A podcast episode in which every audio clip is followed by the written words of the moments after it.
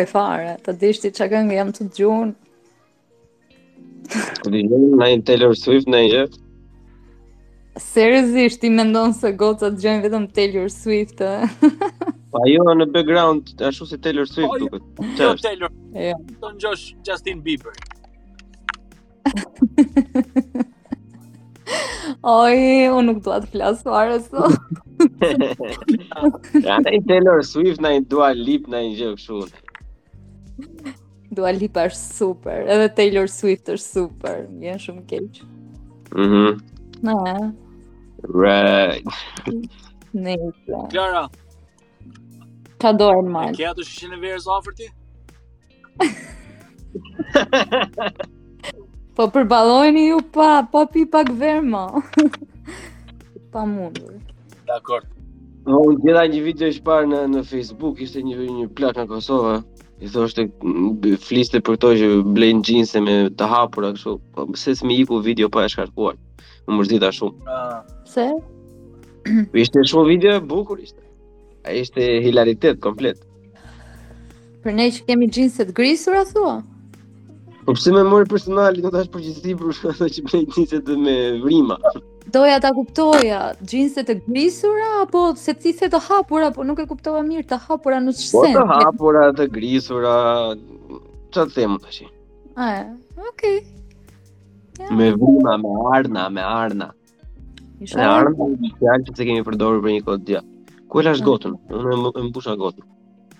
Oh, ja la moj korbe. Po nga janë këta lummëdhenj të tjerë? Vendos një gocë këshu kohost, ta bësh pak, se që nga momenti që... Ka të bëjmë? Të jetë këshu kohost bashkë me ty.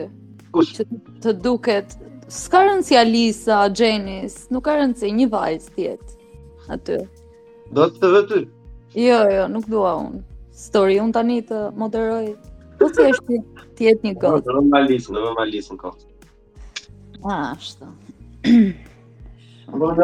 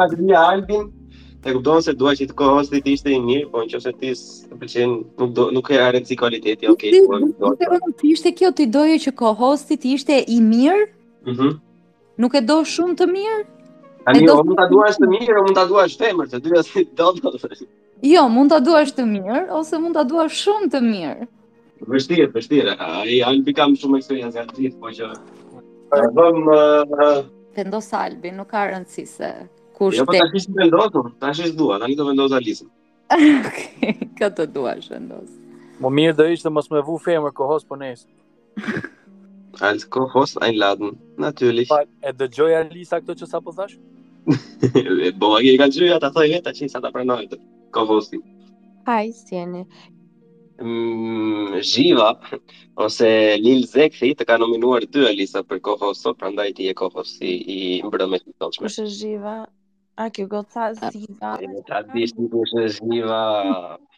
Shiko, që të jemi të sakt, unë thash, mendoj se është e drejtë të jetë një nga vajzat. Po pra, një nga vajzat.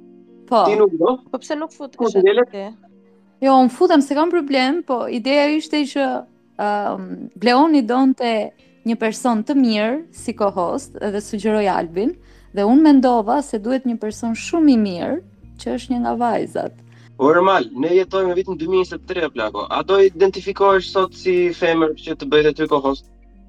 Ëh. Uh... Vetëm për sot plak. Un un kam dëshirë të identifikohem si Super Saiyan. A quhem? Po super, nuk e përballojmë dot atë fuqinë kohostin plak. Okej, pra mirëmbrëma të gjithëve së bashku. Ëh, biseda e sotshme e parashikojmë të jetë super e nxehtë. Në qoftë se individët normalisht duan të participojnë në mënyrë të nxehtë, Edhe niset nga pyetja që pyeti Ermali pak më përpara, që është disi nuk e di se si mund ta përshkruaj. Gjithsesi pyetja është me sa fe, me sa meshkuj duhet të flejë një femër që të quhet kurv? Si e kuptoni këtë pyetje? Dhe cila është përgjigja? Edhe dua që secili nga ju të përgjigjet një herë kësaj pyetje, pastaj do kalojmë në debat. Atëherë Alisa e para. Ëm um, Ç'kemi? Uh, të falenderoj. Ëm um, arsyeja pse kam pranuar që ta diskutojmë këtë temë është sepse fatkeqësisht diskutohet shumë në shoqërinë tonë edhe ka një paragjykim të madh ende për mënyrën se si në fakt duhet të trajtohet seksualiteti Uh, unë personalisht nuk e përdor dot përgjatë këtij space-ja atë fjalë, po di vetëm që do të them që um, nuk mendoj që është i lidhur uh, çfarëdolloj konotacioni që ka uh, i është ngarkuar kësaj fjale kë që nis përgjatë viteve që kemi lënë pas, kam përshtypjen që ka pas të bëjë me gjithçka përveçse me seksualitetin dhe mirë është që në fakt neve ta bëjmë të qartë që në fillim që arsyeja pse po duam ta diskutojmë edhe nga kemi marrë shkas është pikërisht për faktin sepse diskutohet shumë shoqërinë tonë ende në këto terma. Nuk e di a isha e qartë, domethënë. Po, faleminderit, Albi. Po, nuk di të të përgjigjem saktë, sepse duhet me duhet me përcaktuar që domethënë fjala një herë, sepse nëse është me kuptimin prostitutë ose një femër që e shet trupin, atëherë besoj se s'ka lidhje shumë numri, po thjesht gjesti ose qëllimi për shkak të cilit kryhet marrëdhënia seksuale. Nëse e kemi në kuptimin Një femër e cila përdor seksualitetin për të arritur qëllime në jetë ose për të arritur nuk e di poste ose për për qëllime materialiste, po jo detyrimisht prostitucion. Atëherë mendoj se edhe këtu është pak nuk është e definueshme mirë sepse e zor gje në jetën e përditshme se si e ka arrit një person një një post apo një një qëllim të caktuar. Nëse kemi pastaj për një femër të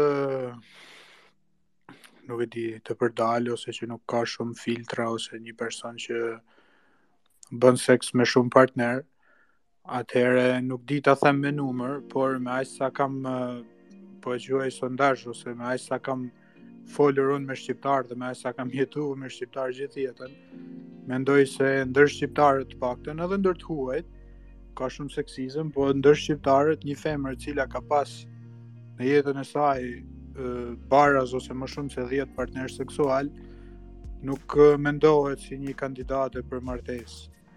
E drejtë apo e gabuar, ky është realiteti. Tani a, egzi, a ekziston simetria? Sigurisht që nuk ekziston. Mendoj se meshkujt nëse kanë pas shumë partnerë seksualë janë krenarë dhe thonë me krenari dhe nuk është se ka ndonjë stigma ose ndonjë gjykim nga shoqëria për përkundrazi.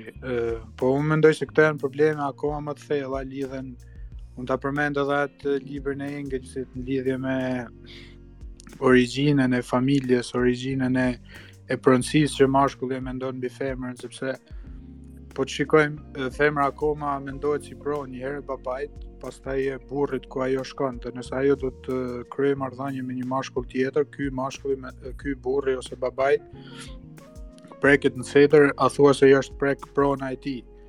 Dhe e, e kemi pas edhe në historinë tonë, për shembull në kanunin e Lekës ishte vajza përveç pajës që duhet të paguheshin para për të marrë gruan, ajo vajza shkonte me plumbin n'pajë. Babai i vinte plumbin dhe i thoshte i jepte mesazhin burrit që nëse kjo më nderon ose të çnderon, atëherë ti ke drejt ta vrasësh. Pra ajo ishte pronë e burrit në kuptimin e edhe nderi i burrit qëndronte te gruaja në kuptimin seksual të fjalës. Kështu që mendoj se është problem tepër i thellë ky i seksualitetit, po nuk e di a ta dhashë përgjigjen me kaq pak sa është introja.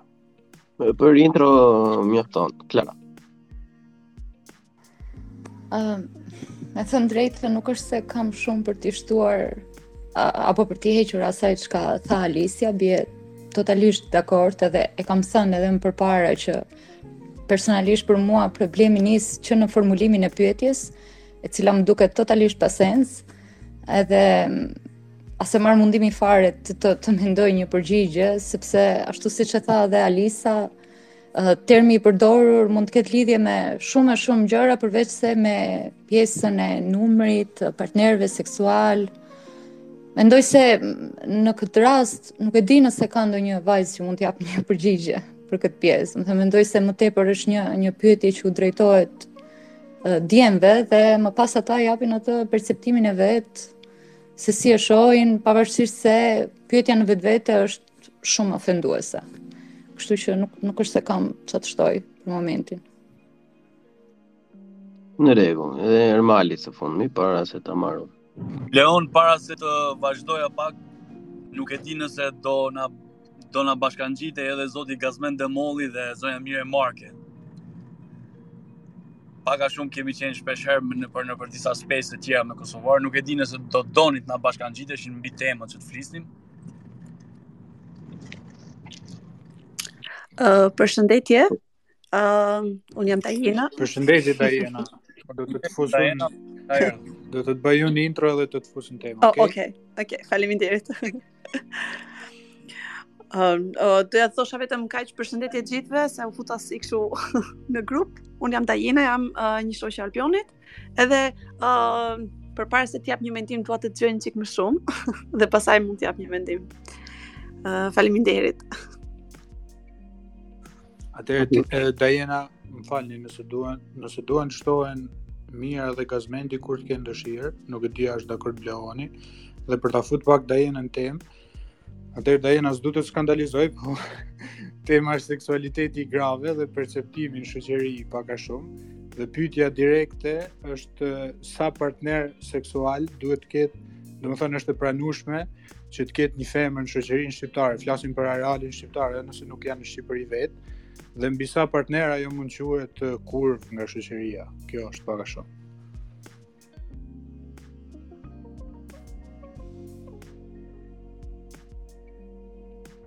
duke qenë se e ka një kështu um, efekt shokues, uh, gjithë kjo tema që neve po diskutojmë, ndërsa uh, Dajena të jetë gati, uh, unë mundem që doja të bëja një kështu një shtesë, pra të futemi pak në terminologjinë e fjal, fjalëve.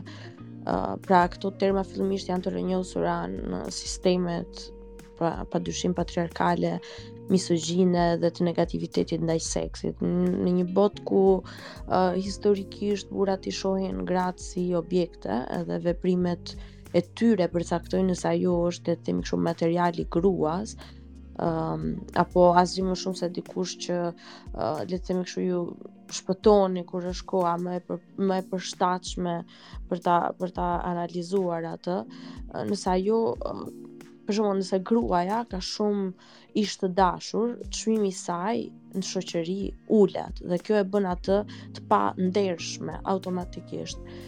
Pse?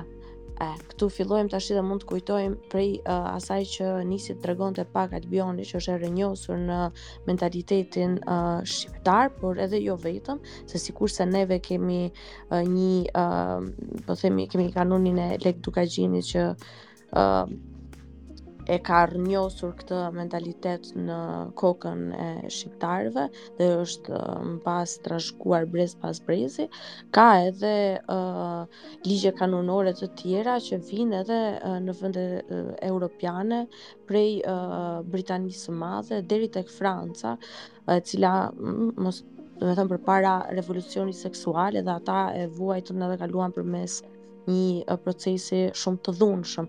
Por uh, ndryshimi është që Shqipëria për shkak edhe të nivelit jashtëzakonisht të ulët arsimor dhe mungesës së uh, edukimit seksual në në shkolla, ende ka shumë të vështirë që ta ndajë seksualitetin nga uh, ndershmëria, le të themi kështu. Nëse kjo mund të na shërbejë për ta vendosur pak uh, bisedën në hulli.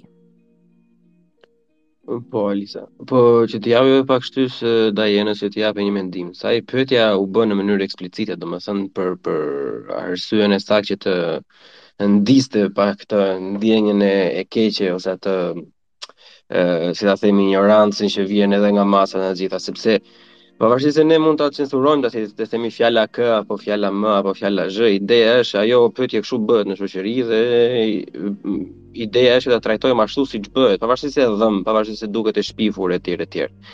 Ë, kështu që para se të thosha unë diçka do të pyesja edhe një herë Dajenën, ë, në qoftë se ka një përgjigje sado të vogël, sa për hyrje dhe pastaj mund të vazhdojmë.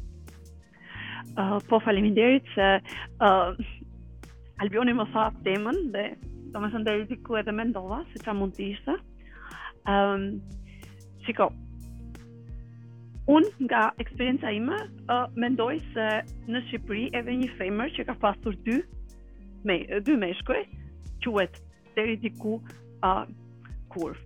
Nuk është se uh, njerëzit duan ta pranojnë, domethënë kështu me të parën, se më ka ndodh, uh, duhet të tregoj një rast, më ka ndodh, kam fol me një shokun tim pas shumë vitesh uh, të universitetit, shumë modern, folëm dhe për këtë temë dhe më tha, uh, gruaja ime tha, uh, ka pas disa, tha nuk ma tregon numrin, tha, po, ka pas disa, unë nuk e kam problem, tha. Okej, okay, thashë atëherë pse pyet për numrin, i thashë, Pse e pyet për numrin qoftë se s'e ke problem? Po jo, tha se unë nuk e nuk është se kam problem, se nuk jam nga këta çuna tha që ka problem tha. Okej, okay, thashë unë nuk po të kuptoj po nejse.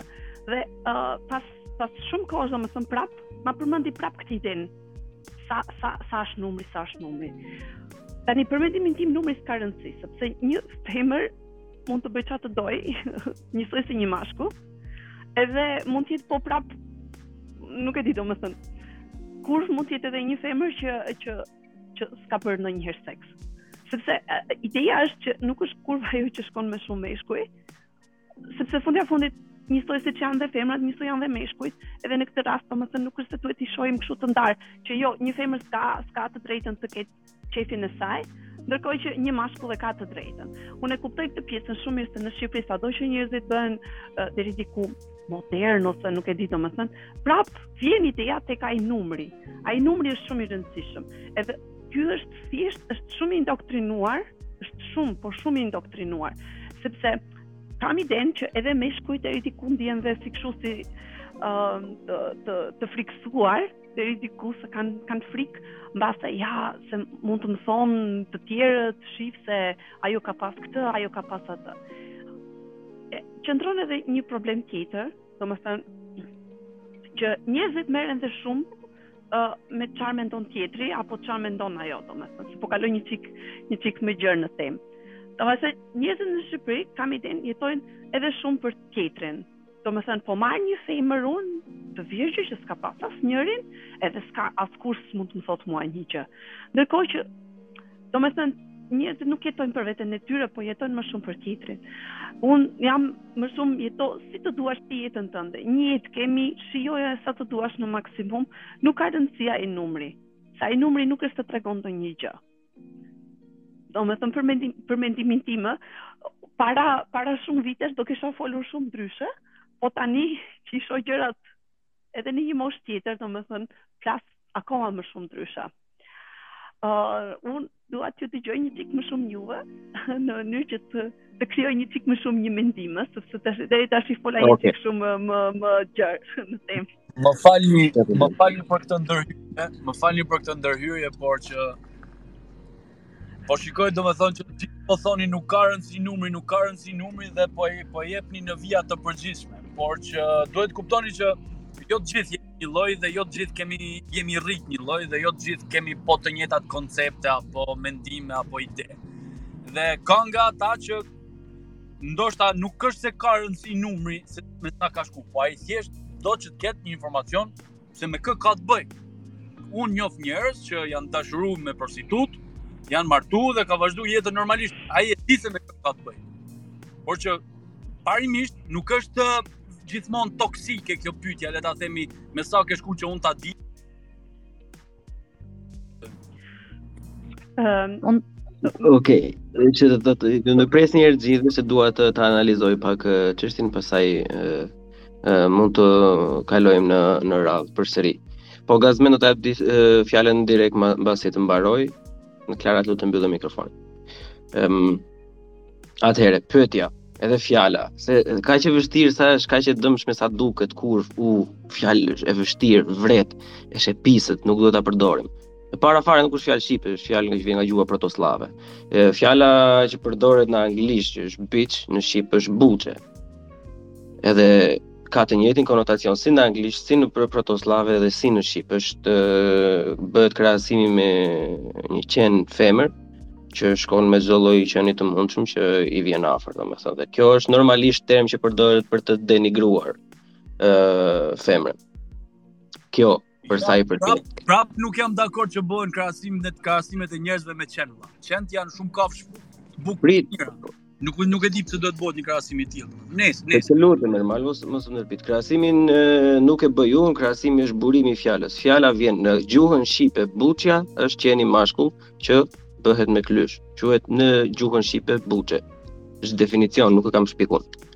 Ëm, ehm, um, Për sa i përket përgjigjes time mbi këtë temë është mbi ose mbi pyetjen domethënë meqë është shumë e vrazhë, është shumë e vështirë domethënë. Edhe të gjithë deri tani domethënë i përgjigjemi në të njëjtën mënyrë që nuk ka shumë rëndësi, sepse në shumë në në një një masë shumë të madhe ne i përkasim edhe një brezi tjetër që jemi rritur edhe pak më ndryshe edhe deri në një farë pike i kemi parë gjërat disi më ndryshe normalisht fusin këto notat e tjera pastaj që ka karakteri se si për çfarë e përdor etj etj kur këto nuk kanë qenë në kohën e prindërve tanë ose në kohën e gjyshërve tanë në kohën e gjyshërve tanë mund të ishe edhe Nënë Tereza po në qoftë se mund të kishe tradhtuar ose do të shkoje me, me, me shumë meshkuj Sado rob i mirë të ishe, kurvë do ngelje. Kanë ndryshuar gjërat tani, a janë bërë super mirë, a jetojmë në utopi. Akoma nuk mendoj se jetojmë atje, por gjithsesi duhet të pranojmë faktin që ka një përmirësim të madh, sidomos në qytetet e mëdha, me sa e perceptoj unë si Tirana, Durrësi, Shkodra deri diku për Kosovën nuk jam shumë i njohur. E dyta, përveç librave dhe përveç ideologjive, Edhe të gjitha këtyre arsyeve që ne mundohemi të nxjerrim ka një arsye jashtëzakonisht shumë të thjeshtë që e shtyn kafshën supreme që është njeriu drejt këtyre lloj ideologjive sipas mendimit tim që është biologjia. Në qoftë se do bëhemi një çik harbutë dhe të të fta ta shpjegojmë moll është se në qoftë se një mbret ka shumë uh, gra në harem, të paktën kur ai fëmijë të lindi e din shumë mirë se se kush është i ati, edhe e njëta gjë nuk ndodh, në qoftë se është një mbretëreshë. Që ka kultura matriarkate edhe deri deri, deri më sot ka. Në Afrikë për shembull është diçka që është standard, nuk është gjë e re. Dhe normalisht asnjë baba nuk mund të jetë i sigurt për atë. Këto janë ato arsyet primale që për mendimin tim e çojnë njeriun tek këto lloj ideologjisë. Por ne nuk jetojmë në në të shkuar, nuk jetojmë në në prehistori, jemi këtu ku jemi sot. Me kaq po ta lë një herë, unë ia jap fjalën Gazmendit, pastaj Alisa dhe Dajena. Përshëndetje gjithëve. Ë, uh, si jeni, unë kam një mendim pak ma ndryshëm. Mendoj që për për me trajtu këtë temë uh, në mënyrë të duhur do të m'ishin dy elemente, mosha dhe uh, territori, domethënë ekosistemi ose quaje si duash. Ë, uh, ka dallim a, a vjen nga Voskopoja ajo vajza, apo është nga Tirana, apo është nga Londra, apo New Yorku. Në qoftë se je një vajzë nga një fshat që i ka 200 banorë në një moshë të re, ta them ka bërë seks ose ka ka dal me shumë shumicën nga djemtë e atij fshati, do ta ketë më vështirë në atë rrethin uh, me pas një një si me thanë një respekt nga djemtë e tjerë të fshatit uh, e, e kështu me radhë.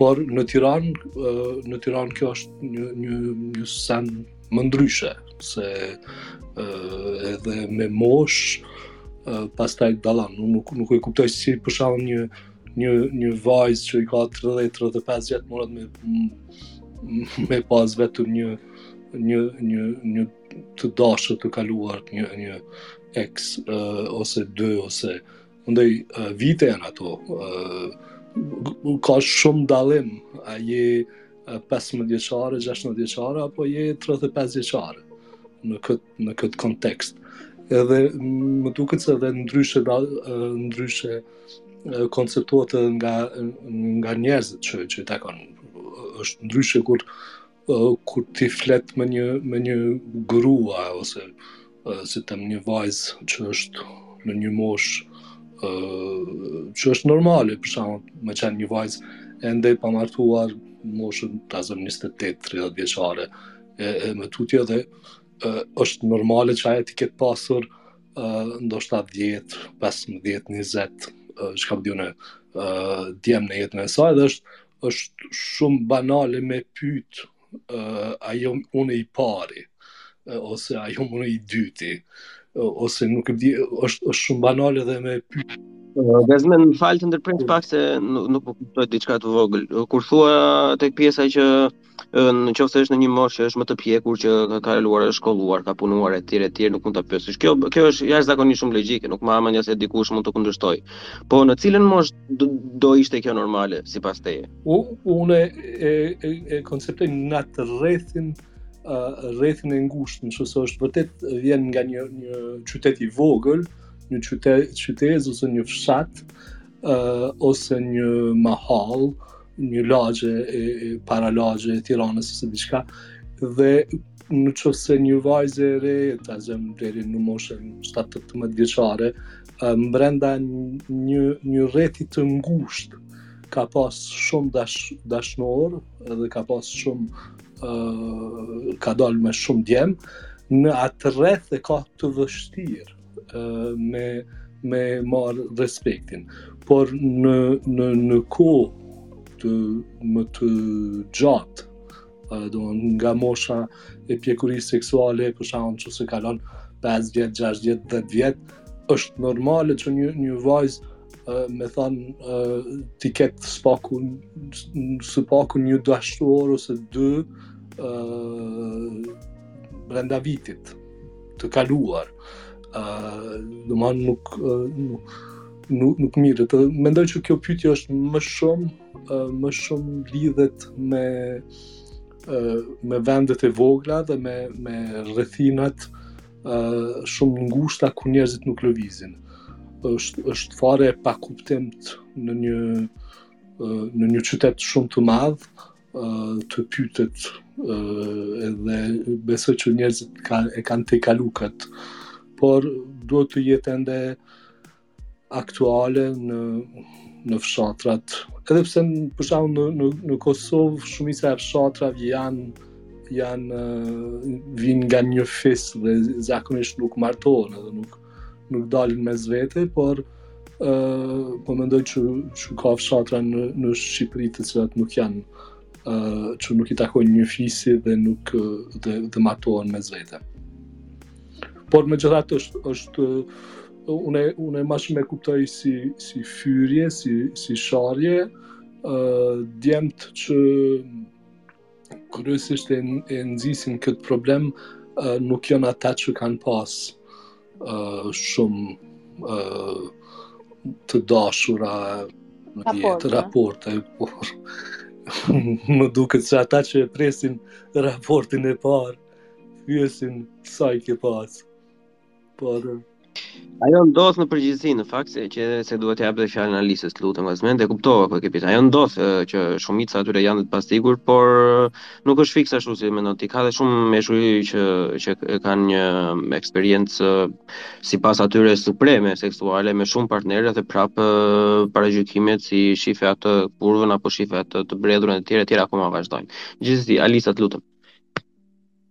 Faleminderit. Nëse mundemi që ta ndajmë në dy kategori, pra një kur uh, shoqëria jonë di se si ta armatizojë seksualitetin dhe ta bëjë dikë që të turpërohet për të, duke përdorur fjalët uh, zuskë, e përdalë e tjerë që ne i përmendëm pak më parë. Kjo kjo është një përdorim moralizim i seksit, edhe pse last time I checked herën e fundit që unë kontrollova seksi është një akt riprodhimi, lidhjeje dhe kënaqësie i cili mund të përdoret në metodat dhe në mënyrat nga më të ndryshme. Seksi, duke qenë se është pjesë e përditshmërisë tonë, është pjesë e natyrës njerëzore, di që të përdoret si kënaqësi, di që të përdoret edhe si armë për të moralizuar dhe për të fyer, sikurse po thoshte edhe Gazmendi, por di të përdoret si armë për të përfituar. Kjo është pjesë e natyrës njerëzore. Tani këtu, në qoftë se neve do të bëjmë ndarjen, pra, në momentin që pyetja që lind ndaj grave sot është uh, për t'i ofenduar dhe për t'i fyer ato sepse uh, jemi duke u përpjekur që ta uh, përdor ta armatizojmë fjalën uh, uh, seks Apo uh, jemi uh, në instancat e një raporti të ngushtë mes një djali dhe një vajze apo një burri dhe një gruaje, i cili ka një pasiguri, e cila mund të vijë qoftë për shkak të formimit, qoftë për shkak të idealizimit që i bëhet figurës së gruas të nënës e cila duhet ruajtur kështu si qelibar që vjen për shkak të kulturës shqiptare dhe aty automatikisht lind edhe kjo pasiguria edhe mungesa e vetbesimit ku neve kemi nevojë që gruan ta shikojmë si uh, të virgjër dhe kjo në fakt un për shembull jam katolike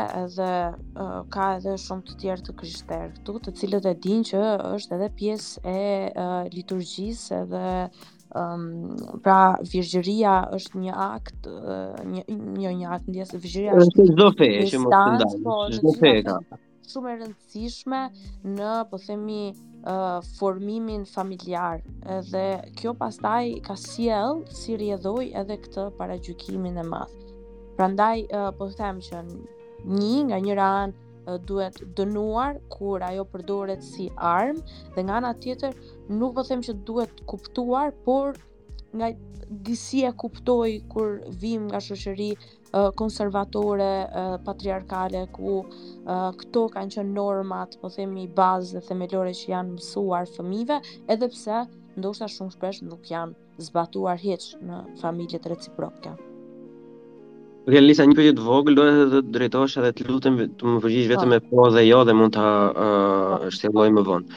Ë uh, kur thua arm për të uh, përdor për përfitime, ë uh, dënon ti një femër që përdor uh, favore seksuale për të marrë një post më të mirë? duke dëmtuar atë femrën tjetër që e meriton me kualifikimet e saj. Në fakt e kam nuk ndihem si lehtë për t'ju përgjigjur kësaj pyetje se e kam diskutuar edhe një herë tjetër, edhe un nuk e dënoj askënd që ka dëshirë të bëj çfarëdo që ai ka dëshirë apo ajo ka dëshirë se janë edhe meshkuj që mund ta bëjnë një gjë të tillë. edhe un kam njohur edhe meshkuj edhe gra ë uh, nuk e nuk e dënoj edhe as nuk e gjykoj por un uh, personalisht e shoh e thash edhe pak më parë domethënë seksin si një akt uh, lidhje kënaqësie dhe riprodhimi dhe nuk kam arritur që ta konceptoj ende deri sot e kësaj dite i kam 31 vjet si një uh, akt përfitimi edhe do të duhet të lutem ai ta se domethënë me këto personal do të besoj se po. nga ana personale jemi të gjithë në një mendje un po them në qoftë se un jam femër dhe jam e superkualifikuar por një bashkëpunëtorja ime që nuk është e kualifikuar sa unë i ofron favore seksuale shefit që normalisht është një plehrë që pranon atë lloj gjëje dhe ma merr vendin e punës duket normale shiko Uh, së pari nuk mendoj që duhet të vendoset në termat a është normale apo është anormale, sepse gjithçka Ose është e pranueshme, më fal, është e pranueshme apo jo? Prit, ta ta shpjegoj unë, sepse gjithçka është normalizuar për aq kohë sa ne jetojmë në një shoqëri multikolore, pra që nuk ka vetëm një ngjyrim edhe një moralizim edhe një vlerë morale. Uh, po ka i ka të ndryshme, prandaj edhe po të them dhe përsëris që personalisht nuk e gjykoj edhe as nuk e paragjykoj. Pse? Sepse mendoj që në një shoqëri të konsumeriste kaq të madhe që neve jetojmë, asgjë nuk është off the table. Pra, të gjitha metodat edhe mënyrat e përfitimit janë mbi tavolinë. edhe dikush vendos që ta marri dhe ta shfrytëzoj atë dikush tjetër uh, e shikon si unë edhe e shef uh, seksualitetin si një akt uh, riprodhues apo si një akt kënaqësie dhe nuk ka dëshirë që ta shfrytëzoj atë kështu e shoh Okej, okay, uh, Dajana, të lutem. Po faleminderit. Ëm um, Uh, pika e parë që doja të flisja është um, doja një kështu për për doja të thosha Armales që uh, mos krahas, domethënë, më duk një çik kshu e tepruar që tha uh, për femrat jo duhet të dish se kë ke në krah se, mund të jetë prostituta dhe kështu. Shiko, prostituta e ka punë atë, është punë, Edhe nuk duhet të krahasojmë tash një person që që shet trupin e vet sepse ka punë, ashtu e ka zgjidhur është gjë tjetër. Jo, ne po flasim për femrat. Që sa kanë pas femrat, ë sa meshkuj kanë pas. Edhe nuk e ke kuptuar. Ti nuk është se kupton se kë femër ke në krah, duke ditur numrin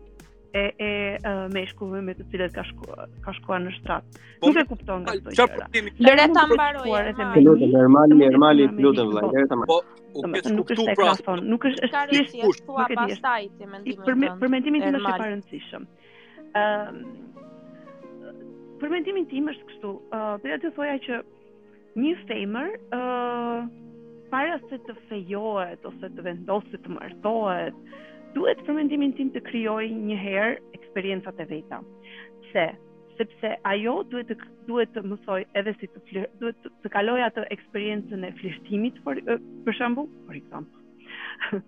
Ëm atë uh, flirtin, duhet të kaloj atë dashurinë e parë që e humbet, ose uh, duhet të kaloj um, uh, flirtin te puna.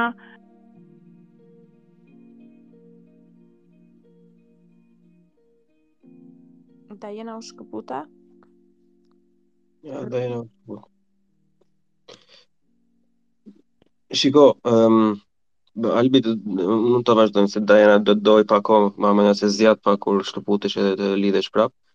Ëm um, Mendoj që kemi një që nuk dua ta kaloj temën jashtë fare kësaj gjë tash, po mendoj se kemi një problem domethënë që unë shoh te shumica e femrave. Në qoftë se shikon çfarë ça paralelizmi ndodh në shoqërinë tonë, po jo vetëm shoqërinë tonë, kudo në Gjermani, në Angli, kudo që ti jesh në rruzullin e këtij globi. Ku një mashkull sillet si plehrë, edhe i trajton femrat në mënyrë të ligë dhe i përdor ato si vetëm si qenie seksuale dhe nga që ka pushtet, nga që ka një pozicion në një firmë, i detyron ato ë uh, t'i t'i japin favore seksuale, të gjithë meshkujt e tjerë dhe jo vetëm meshkujt, por të gjithë bota e, e dënojnë këtë. Dhe mund të ketë në fshate të në fshatra të, ku di unë, të prapambetura, domethënë që thonë që o oh, mirë ia bëri siç ishte ai rasti që që diskutuam herën e kaluar. Por nëpër media apo në perceptimin publik ose ne grupi që jemi këtu për shembull, të gjithë e dënojmë atë lloj mashkulli. Një femër që bën të njëjtën gjë nuk e dënon njeri, domethënë. Unë e dënoj, unë unë e them hapur domethënë, atë për atë që Alisa për shembull u shpreh që parë që nuk e gjykon ose nuk e paragjykon, un në qoftë se nuk e gjykoj dot se as nuk nuk jam në pozicion të gjykoj njeri, po un mendoj që një person i tillë nuk është i njëjtë me një person që nuk e bën atë gjë. Sepse është armë. Si si mund të themi në të njëjtën kohë që është armë për të përdorur për përfitime, por kur përdoret kjo për përfitime nuk duhet dënuar kjo armë, duhet dënuar vetëm arma tjetër. Domethënë është është një çik double standard që unë nuk e di pse ë ndodh edhe mendoj se e, i gjithë debati nga ana e femrave apo nga ana e feminizmit apo nga ana e progresizmit mund ta kuptoni si doni këtë do ishte më thjesht Nëse disa femra do t'i ndanin disa gjëra, pa pa drejtuar gishtin. Unë nuk po them të bëjmë gjyq publike me gura etj etj. Aspak. Nuk jemi ne askushi për të bërë atë, plus ato janë idiotësira. Por ama duhet të bëjmë një dallim, sepse në qoftë se ne besojmë në një lloj meritokracie, domethënë këta persona nuk kanë respekt për këtë sistem që kemi ne kemi ngritur. Edhe kjo e dëmton shoqërinë, pavarësisht se mund ne mund të kthejmë sytë nga ana tjetër, të themi le të bëjë ça të dojë se është trupi i vet dhe ajo do jetojë me veten e vet. Por në të vërtetë nuk është aq e thjeshtë. Albi.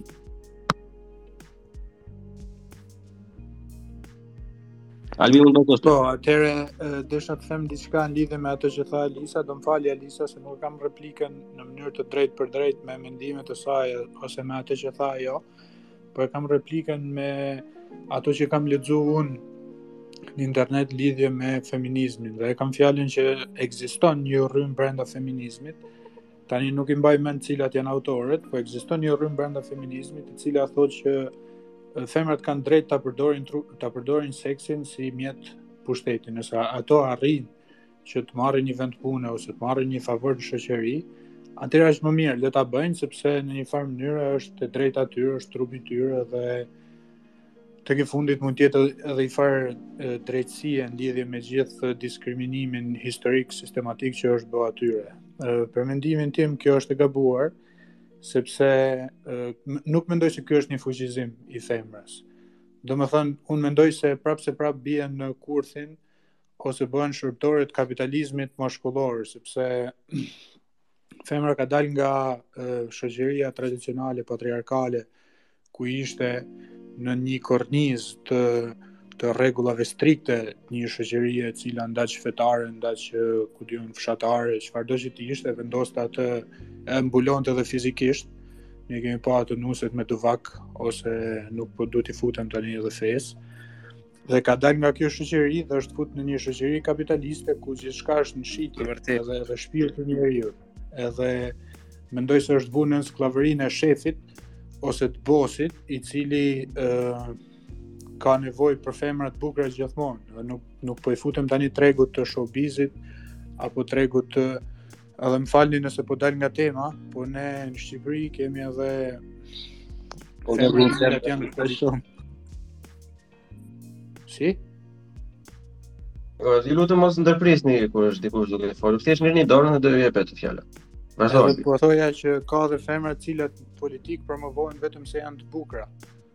Domethënë, unë mbaj mend një emision, ishte Arjan Çani me Grida Dumën dhe i thoshte sa e bukur je. Sa, çdo 5 minuta i thoshte sa e bukur je.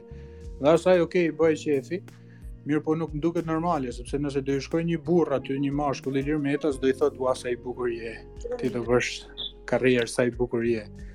Nuk, uh, nuk më duket normale dhe nëse shohim tani Grida Dumën, ajo ka hap një, një uh, po themi, agjensi ose një, një, kurs të përmirësimit të vetvetes ku ju mëson grave se si se si të flasin në publik, si të jenë të paraqitshme të tjera.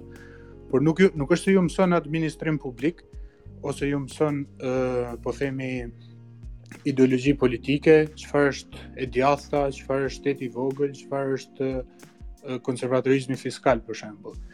Kështu që unë mendoj se është e gabuar që femrat të të përdoren si kukulla ose të përdoren si imazh ose të përdoren për seks nga ndaç nga punëdhënësit, ndaç nga njerëzit e pasur dhe nuk mendoj se duhet bëhen mish për top për kapitalizmin. Dhe edhe diçka të fundit desha të shtoj që unë në jetën time kam njoft vajza të cilat janë lidh për interes me djem me lek, po kam njoft edhe djem të cilët janë lidh me interes me vajza me lek dhe me vajza me i farë pozite sociale në mënyrë të tillë që këta të kishin uh, favore dhe të bënin përpara në jetë dhe nuk kam pas respekt për asnjë prej këtyre djemve. Edhe pse ata mund të kenë ec përpara, por Nuk e di, për mendimin tim s'kam pas një lloj respekti. Më fal, nëse mund vetëm Bleon të më lejosh një replikë të shkurtër me Albin, edhe pse po. nuk është me Albin, po është, të themi me idetë që kështu, ndaj, uh, unë jam dakord me ty, Albi, dhe nuk, uh, unë nuk thashë domethënë që e justifikoj, apo kështu, uh, e le të themi kështu, e normalizoj uh, në sensin që më duket një fenomen që është i preferueshëm, uh, për t'u ndjekur si ë uh, le të themi kështu një vlerë ë uh, jo morale, se s'më pëlqen që ta përdor atë, por një vlerë shoqërore e përbashkët e cila na bashkon, por ë uh, fatkeqësisht apo fatmirësisht tashi ne nuk e dimë atë, është pjesë e uh, shoqërisë konsumeriste që ne jetojmë edhe shoqërisë kapitaliste. Dhe uh, unë do të kisha pas shumë dëshirë që të mos gjykoheshin as edhe një lloj forme uh, se si një grua vendos që ta përdorë trupin e vet. Qofshin edhe ato që janë gati të papranueshme edhe nga vet unë. Edhe në atë domethënë e kam një sfidë edhe me veten time ku unë si thonë amerikanët I challenge my e sfidoj edhe veten time që shumë shpesh duke qenë se vij nga një background shumë katolik, nga një familje jashtëzakonisht katolike, ë e, e ndjej veten të sfiduar Edhe jo rrallë, um, dua që të them diçka edhe përmbaj veten time ose dua që të Në katolike të, Maria të... Magdalena është shenjtore. Po pra, eksaktësisht për atë, dua që të them diçka dhe përmbaj veten, dua që të mendoj diçka dhe përmbaj veten dhe them që një sekond se jo gjithçka ka këtë uh, metrikë, pra, uh, dhe normalisht do kisha dëshirë që ta gjykonim të paktën në këndvështrimin tim në ato dy uh, uh, suazat që unë i përmenda pak më parë që janë një uh, weaponizing pra armatizimi i fjalës kur fjala uh, denigruese ndaj grave përdoret si armë për to dhe e dyta pastaj që është si preferencë uh, jetësore apo life experience që është një tjetër gjë. Shiko, uh, Alisa, kjo puna është një çikë shumë e vështirë për t'u kuptuar, domethënë, uh, se siç e thashë, domethënë, dhe uh, gjatë gjithë kohës unë e provoj që e, e, kam të drejtë që për në atë këndvështrim që është shumë e rrallë të gjesh një femër që e dënon një akt të tillë. Sepse, uh, Ne e, e, e, janë double standards. Ne kërkojmë barazi, ne kërkojmë emancipim, kërkojmë të drejta të barabarta, mundësi të barabarta dhe çdo lloj gjëje tjetër, por nuk marrim të njëjtat hapa për të shkuar drejt asaj barazie. Ti sapo e the, nuk mund të gjykohet asnjë femër. Më fal për, për vetëm pse një person ka një organ gjenital mes këmbëve e bën çdo veprim që ajo bën në këtë rast mos e gjykoj. Kjo është për mendimin tim e papranueshme. Jo, nuk ka të bëjë me vetëm me gratë, kjo ka të bëjë edhe me burrat, domethënë. Po pra po, po. Domethënë, armatizimi i seksualitetit ndodh edhe te gratë, edhe te burrat. Është shumë më i shpeshtë, sidomos në shoqëritë tona patriarkale tek gratë, por kjo nuk do të thotë që nuk është nuk është prezente edhe tek. Nuk e thash më këtë, nuk e thash. Duhet duhet të qëndrojmë pak pikës, domethënë që diçka që është e keqe, ore, nëse në qoftë se im vlla është kriminal, unë nuk mund të dal tani të them jo, nuk mund ta gjykosh se është im vlla, e kupton? Kështu që këto ky tribaliteti që ne nuk duhet të gjykojmë asnjë femër pavarësisht se si e përdor ajo seksualitetin, është e gabuar, sepse ne kështu i mësojmë shoqërisë që, ok, ti vajzë e dashur mund të mësosh, ti mund të jesh gjeni, mund të jesh më e mira e pozicionit tënd, por kjo tjetra është e afërt, është e gatshme të shesi trupin e saj, Edhe ne nuk mund ta gjykojmë atë, kështu që good luck. Paç fat, ti bëj çfarë duash, e kupton? Kjo nuk bën shumë sens për mua, gjithsesi, Gazmendi ka fjalën. Ore ta marrë Dajana. Do të thotë Dajana çfarë do. Okej, okay, Dajana pastaj Gazmendi pastaj kjo. Përshëndetje prap, nuk e di në më dëgjoni. se unë uh, isha po. duke folur kështu me duke mbajt fjalime edhe ndërkohë mora vesh që nuk nuk kisha folur fare. Nise, uh, një pikë që është shumë e rëndësishme për mua është kjo, uh, mendimi im është që një femër duhet të krijojë eksperienca. Domethënë një femër për mendimin tim duhet të krijojë atë flirtin, të ketë atë dashurinë e parë, të ketë atë thyrjen e zemrës të parë, të ketë ndarjen e parë, nuk e di domethënë, të ketë edhe një one night stand për shembull, të ketë shumë gjëra të tjera përpara se të vendoset që të vendoset që të fejohet apo të martohet. Po kjo gjë është edhe mhm. për meshkujt, megjithëse meshkujt s'para, s'para falin në këtë pjesë, domethënë. Edhe ë um, uh, doja të thosha që uh, është shumë e rëndësishme kjo përpara se të martohet, sepse në qoftë se një femër martohet, uh, domethënë, është ideja uh, për çfarë i duhet një mashkulli, për shembull një femër e virgjër që është martuar dhe pastaj krijon lidhje paralele, apo dhe një mashkull që krijon lidhje paralele. Sepse nga pjesa që i ka munguar kjo eksperienca, flirti, atëherë kjo bëhet më, më, më e bukur, më, më interesante, Edhe kështu kam idenë krijohen më shumë lidhje paralele në një martesë. Edhe për mendimin tim kjo është e, e gabuar. Kështu që unë e kam idenë që njerëzit duhet të krijojnë atë eksperiencën e tyre përpara se të vendosin që të martohen dhe të fejohen. Po prap kjo nuk është fundi i botës, sepse në qoftë se një njeri për mendimin tim thotë që, "Ok, ne nuk shkojmë më bashkë, atëherë duhet të ndahemi dhe secili të shofi jetën e vet." Edhe uh, kështu, domethënë, i qëndroj shumë, po shumë kësaj pike që çdo njeri duhet të krijojë ato eksperiencat e veta, përpara se të vendosi që të, të jetë në një lidhje monogame, edhe të vendosi që të thotë, ok, ky person më pëlqen nga të gjithë të tjerët. Sepse këto pastaj janë deficite që uh, uh, bëhen problematike për më vonë. Edhe me këtë, shpresoj që kësaj radhe më keni dëgjuar. Uh, dua ta, ta, ta mbyll mikrofonin, faleminderit. Mund të ndërhyj pak Bleon tashi se mendoj se kam replikën këtu për për arsye sepse zonja Dajana më më shumë shkurt lutem, më se se po, kam tre nga, shumë shkurt. Po patjetër, patjetër sa më shkurt. Desha ti them tek ajo pjesa për atë kur martohet me një prostitutë apo diçka tjetër, domethënë mendoj se e ke keqkuptuar te kjo pjesa. Unë thashë që njof njerëz që janë martu me prostituta dhe kjo është sepse e ka dashuruar gocën dhe nuk i ka interesuar se çka ka bënë më përpara, por që parimisht ai e ka ditë se kush është se kush është ajo. Dhe e di se çka çka profesioni ka pasë etj etj. Dhe si përfundim po prap, nëse janë martu. du të dal edhe te kjo pjesa tjetër që po po thua që duhet ta ketë edhe eksperiencën të ketë në one night stand etj etj. Nuk mendoj që është gjithmonë e thënë që të kalojë gjithë këto eksperienca që ajo të kuptojë se ça do. Unë mendoj se ka ka të bëjë shumë me të njohurit veten, së pari. Normalisht këto ndodhin, nuk ndodhin, është secili secili bën zgjedhjet e veta në jetë. Nuk mendoj unë që është e duhet patjetër ta bëjë, siç siç po thu, duhet Nuk është kjo mënyra që duhet ta njohë dikush veten. Ka njerëz që janë dashuru me shikim të parë apo janë dashuru që që që të vegjël dhe kanë vazhdu atë dhe janë plak bashkë. Por që nuk është e thënë që patjetër të shkojë dhe të kalojë eksperienca dhe të të kalojë ato one night standet e tjera etj etj. Dhe du të dal te kjo pjesa. Kur bëhet pyetja se me sa shof unë, më vjen shumë keq që një pjesë keni pasur të bëni me meshkuj toksikë apo me femra toksike. Ë, më vjen shumë keq sepse kur dikush e bën në rastin tim, nëse unë bëj një pyetje me sa me, me sa meshkuj ke shku, nuk e bëj në sensin që ë uh, ta di edhe nëse janë shumë, mos merrem më me ty, apo nëse janë pak, ok, dakord, tjeru. Jo më du ta di se me ka me kë kam të bëj. Nëse un po e pëlqej atë person dhe un do ta kaloj jetën me atë person, presupozohet që me atë person un do ndaj gjithçka. Do kem çdo lloj eksperience, çdo lloj historie.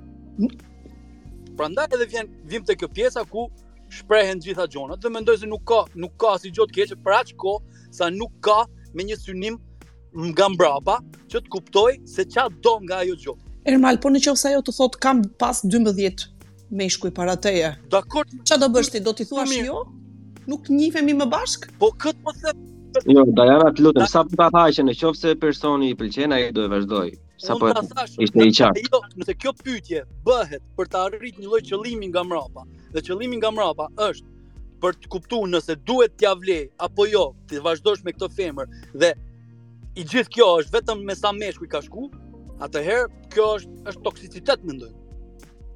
Ore, e, ok, se do t'ia jap fjallën Gazmendit, të dy, ju lutem mbylleni mikrofonin. Shiko, edhe pse as unë as ti nuk mendojmë ashtu Ermal, nuk do me thënë që duhet të gjykosh ti, sepse me sa di unë nuk duhet të gjykojmë asnjërin tash çfarë preferencash ka. Edhe në qoftë se filani nesër thot që unë nuk martohem me ato, se ajo ka 12, duhet ta respektosh se është mendimi i vet. Edhe ajo gocë në qoftë se e shef që ai nuk e pëlqen vetëm për atë arsye, thjesht duhet ta anashkalojë si fakt. Vazhdo Gazmend. Uh, unë prapë po kthehem te madhësia e rrethit, edhe është shumë me rëndësi se kjo e determinon se çfarë, se sa do të zgjasë një lidhje. Uh, në rrethet e ngushta, në rrethet e vogla, uh, kemi tendencë me pas një hyrje në lidhje shumë ma të ngadalshme edhe në lidhje shumë ma të gjata, ndoshta të zgjasin tërë jetën qoftë se kanë fat. Në, në rrethet e gjera, në, në, në qytete, po nuk ka të bëjë rrethi domosdoshmërisht me qytet, por rrethi i njerëzve me cilët, cilët mundesh me, me qenë në, në komunikim. Uh, lidhjet e, e sotme, kontemporane, janë uh, shumë më të shkurta dhe uh, fillojnë shumë më shpejt, sepse uh, nuk mundesh për shembull në New York ose në Londër me pa uh, 100 herë të njëjtin person derisa të mendohesh ti a me dal a mos me dal.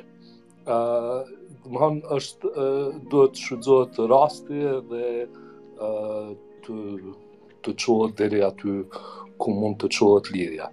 Prandaj po them që, që dallimi mes këtyre dy të them fshat dhe qytet për me i ra ma shkurt, është shumë më i madhë uh, se sa që, që aktualisht uh, dhe, dhe që s'mund të flasim për të dyat njëkohësisht.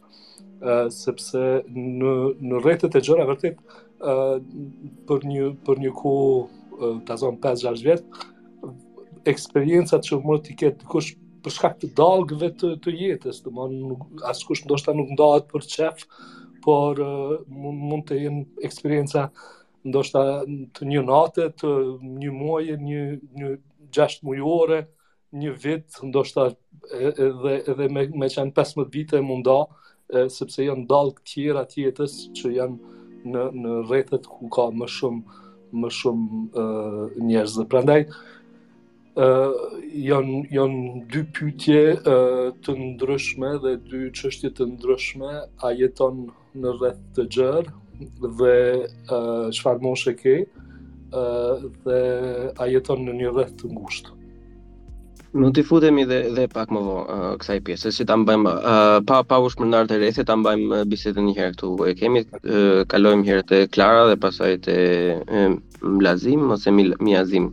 Nuk e di, po Klara një herë edhe pastaj tjetri. Mlazim Krasniqi. është personalitet. Po, gëzohem që e kam këtu pra. Okej. Ehm unë në fakt si fillim duke qenë se u folën shumë gjëra dhe u shpërnda pak tema, po uh, duke u nisur pak nga ajo që tha Ermali, ë uh, doja personalisht të jepja mendimin tim për pjesën se sa ndryshim ka në një fillim marrëdhënie ose një raport mes dy personave, sa ndryshim ka pjesa kur uh, mashkulli në këtë rast vendos t'ia bëjë këtë lloj pyetje vajzës, mbase që në fazën ku kërkon të marrë informacion si të tipit çfarë pune bën, ku jeton, çfarë familje ke etj. me radhë.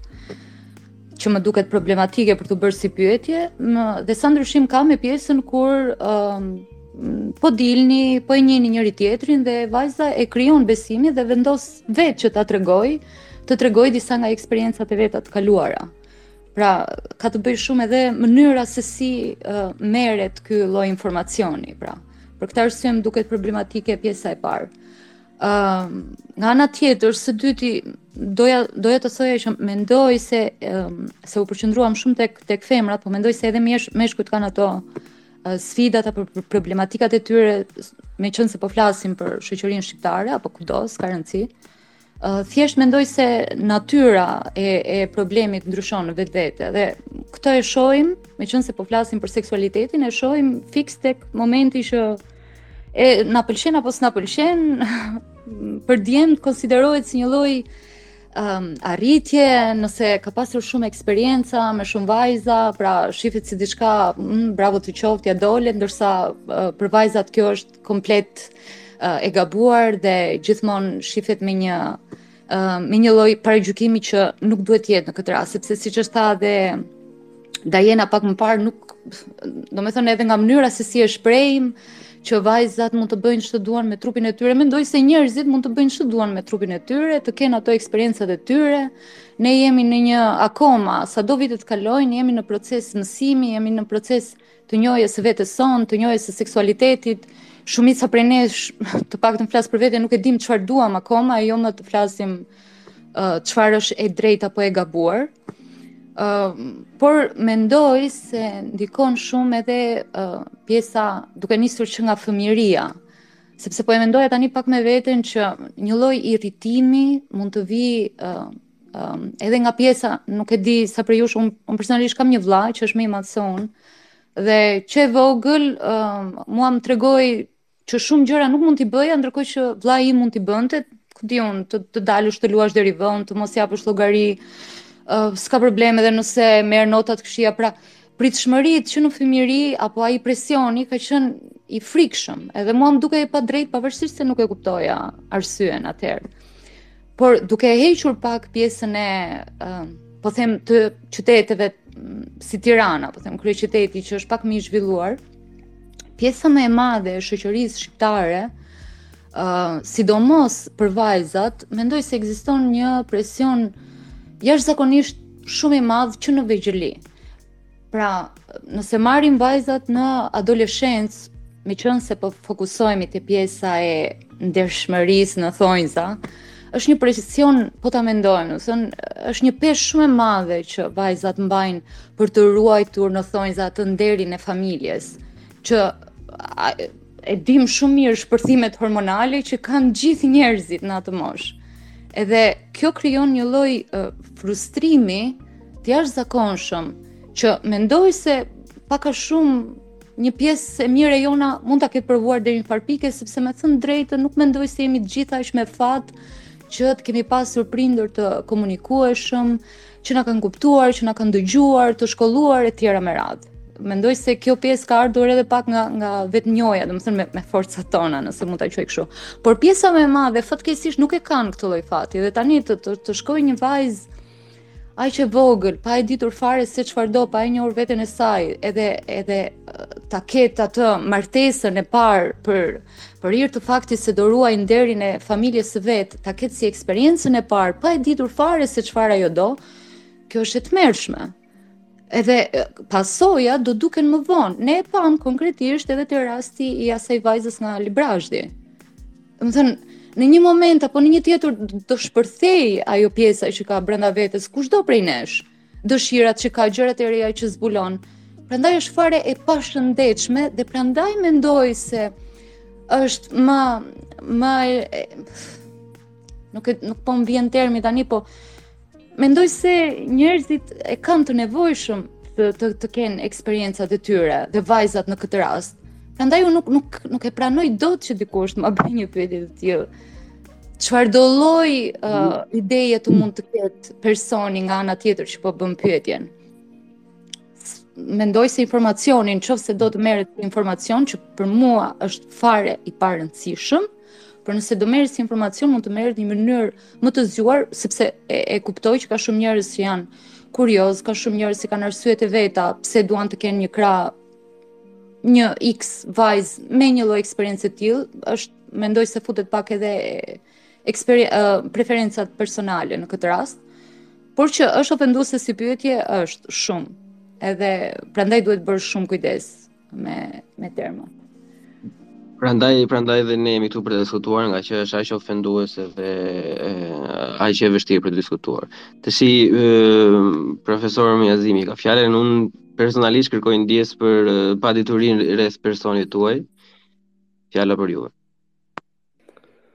Faleminderit Blan, ky profil është gjysmë parodi. Me me gjasë nuk njihemi, po me këta të tjerë sado pak kemi diskutuar, sidoqoftë lidhur me këtë pjesën, unë faleminderit zotja Adil. Faleminderit Nikol. Ë po më ne njerëzit janë martu edhe në të kalumen edhe duhet pa po nga konteksti historik nëse duam të flasim për raportet shoqërore që kemi patur qoftë edhe raportet mes dy gjinive përfshi aty këtë që u diskutu pak a shumë në të afërsi Ok, ok, e hoqëm, e hoqëm. Um, nuk nuk kemi nevojë ta ta lejojmë personat e tjerë. Se ne kemi të vështirë ta sjellim këtë bisedën me këta persona që jemi pak a shumë këtu ne po kemi vështirësi të jemi në të njëjtën në të njëjtin hap bashkë dhe jo më persona pastaj që janë radikalë siç është individi i njohur që edhe në herë të tjera është futur dhe ka prishur bisedën. Është profil falso, domethënë, që ta keni këto. Mendoj se duhet mendoj se duhet edhe një mendim i tillë, jo. Jo, nuk duhet. E, jo se, Irma, nëse ke një debat me atë individ bëje herë jo, tjetër, jo, bëj është me resi, shkojmë tutje. Shkojmë jo. tutje për mendimin tim, mos i japim. Në Jo më do ia jap rëndësinë se ishte përderisa ishte aty ne grepin e hëngrëm që e hëngrëm. Unë atë person e debatoj vetë personalisht, domethënë. nuk diskutohet fare kur Zoti të dojë, po jo në një seancë të tillë ku ne po diskutojmë në një mënyrë sado të civilizuar që mund ta arrijmë. Ia japim zonjës Fidanishte, kush të jetë, s'e lexoj dot të gjithën. Fjala për ju. Lexoje, lexoje se nuk është aq e vështirë. Ëh. Aty e ke po të klikosh. Ëm um, nuk ju kam ndjek që në fillim se isha e zënë, po desha të them që uh, përderisa ajo pytja për të ditur për... Formuloja pytjen. Po, uh, ndihmon qoftë se ma formulon pytjen.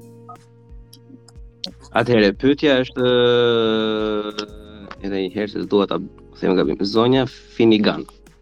Tani, pyetja është pak vulgare, pyetja ishte e, me sa është numri që duhet sa është numri i partnerëve që të ketë një femër që të mund të quhet kurvë nga shoqëria apo nga individi etj etj. Si e kupton ti këtë pyetje dhe cili është cila është përgjigjja nëse ke një? Unë termin kurvë nuk e nuk e përcaktoj fare, nuk e për përkufizoj fare me numrin e partnerëve, për mua nuk ka nuk ka të bëjë fare. Ë, uh, më dëgjoni tani? Po, unë dëgjoj. Dëgjoj shumë mirë. Okej. Okay. Ë, uh, për mua termi kurvë nuk ka lidhje fare as me numrin e partnerëve dhe as me gjininë.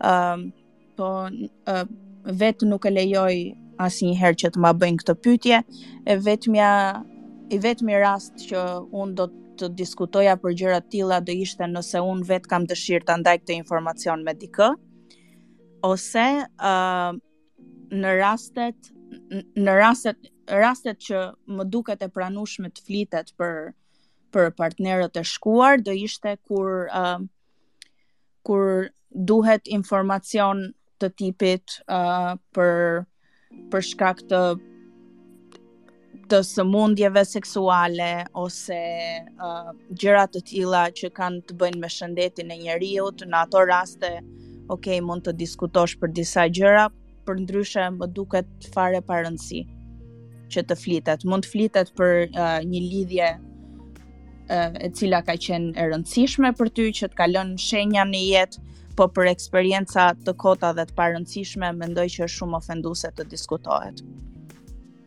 kjo, ë, uh, dhe unë un me një partner nesër pasnesër uh, kam dëshirë të di në qoftë se ndonjëherë ka patur ndonjë ë uh, sëmundje, infeksion, gjëra të tilla ose një lidhje që ka qenë shumë e rëndësishme për të dhe më intereson ta di sepse mund të ndikojë në në në të ardhmen e marrëdhënies sime me të, përndryshe as nuk dua të di edhe nuk dua të më pyesin. Kjo është, po termi Më fal, a mund të bëj pyetje termi për uh, kurvë për mua ka të bëjë me me sjelljen e njeriut jo në lidhje me seksualitetin.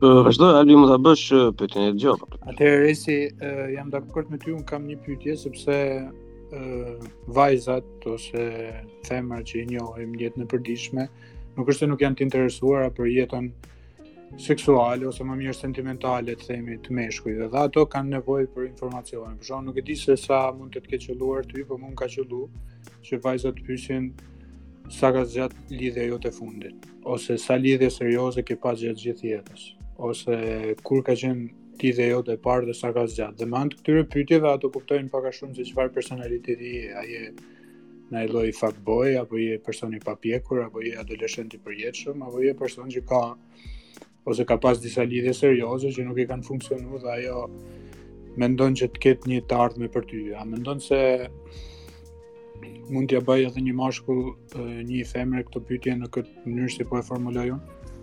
Po, uh, po më duket normale sepse nuk mendoj se kjo pyetje bëhet me qëllim paragjykimi. Kjo pyetje bëhet me qëllim për për të njohur personin tjetër. Për shembull, më duket shumë normale që të pyesësh në qoftë se kanë patur një lidhje të rëndësishme, uh, unë personalisht uh, mendoj që e, e kam shumë të thjesht ta shikoj uh, se çfarë qëllimesh ka personi tjetër kundrejt meje në mënyrën se si e nis njohjen edhe çfarë, çfarë kërkon prej meje.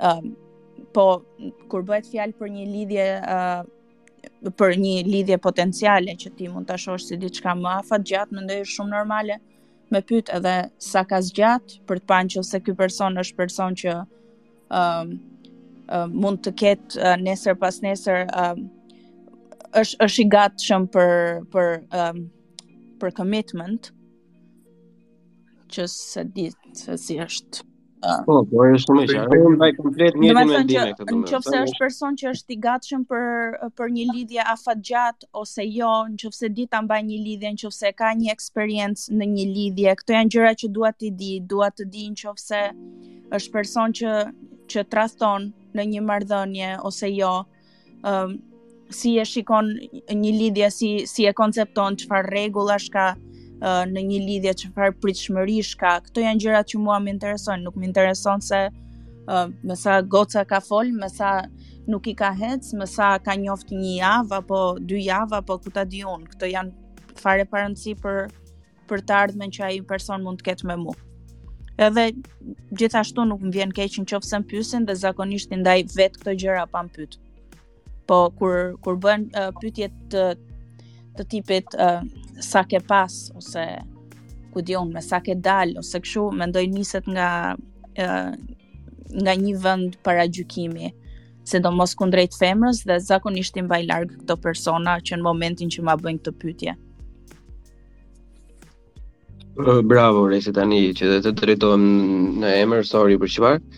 Uh, unë kësaj që the ti tani, domethënë, nuk kam as ça t'i heq as ça t'i shtoj, jam, jam komplet i të njëjtit mendim.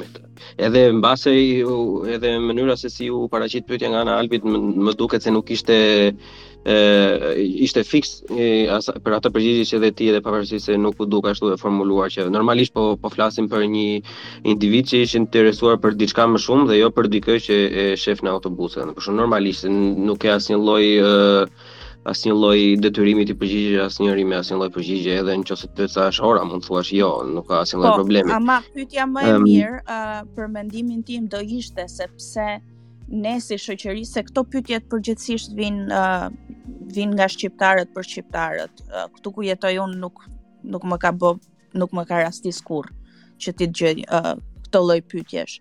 ë uh, Pyetja më e mirë për mua do ishte se pse ne përgjithsisht jemi kaq të pasigurt ë uh, dhe ndihemi ë uh, ndihemi sikur e kemi e kemi atë të drejtë të bëjmë pyetje kaq personale personit tjetër dhe nga vjen kjo pasiguria sidomos e meshkujve shqiptarë që duan të dinë edhe gjërat që nuk i takojnë t'i dinë dhe ndërhyjnë kaq shumë në jetën personale të një personi që ndoshta edhe uh, edhe nuk e shohin si si një partner potencial të të ardhshëm, por duan patjetër të hyjnë kaq shumë në imtësi, në gjërat intime të, të personit tjetër. Nga vjen kjo pasiguria jonë si shoqëri. Kjo mendoj është për të diskutu. Uh, Rei, të shtoj një diçka të lutem te te tema e pasigurisë që shoqëria jonë, po trendi më i fortë në Youtube në të gjithë perëndimin, sidomos në në Shtetet e Bashkuara të Amerikës dhe Britani është body count questions. E kupton?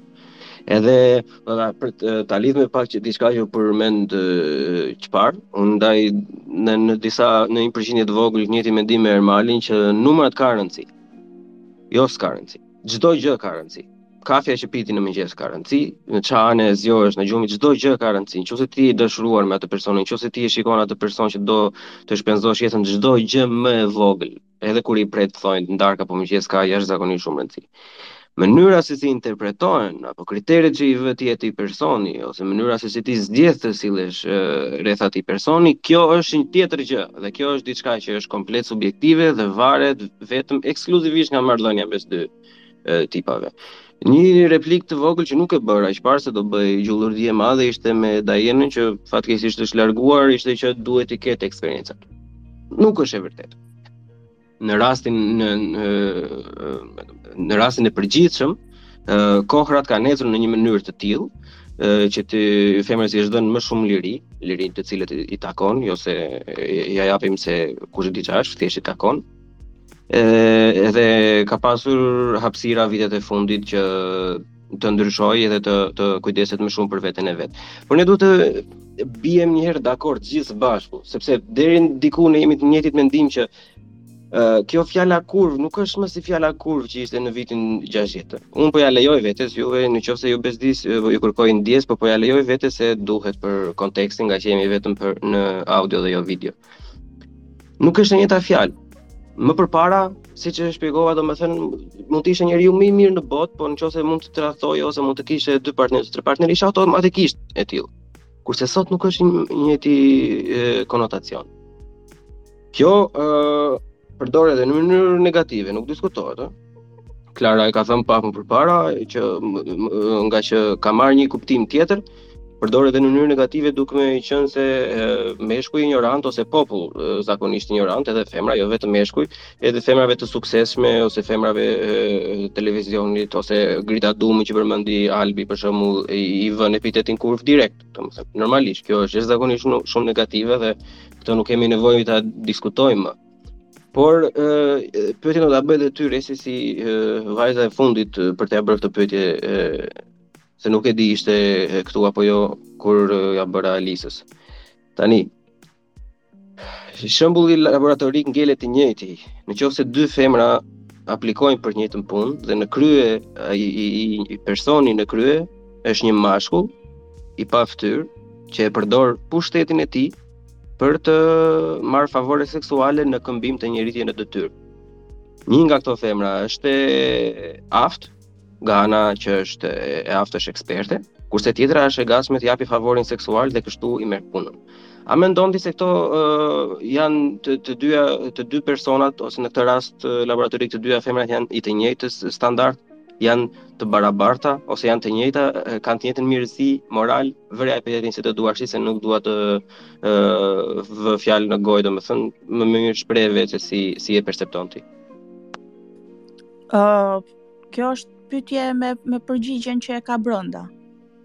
Nuk e kuptoj. Njëra është e aftë, kurse tjetra uh, përdor, uh, përdor favoret seksuale për, për të arritur diku, apo jo? është kjo pytje. Po.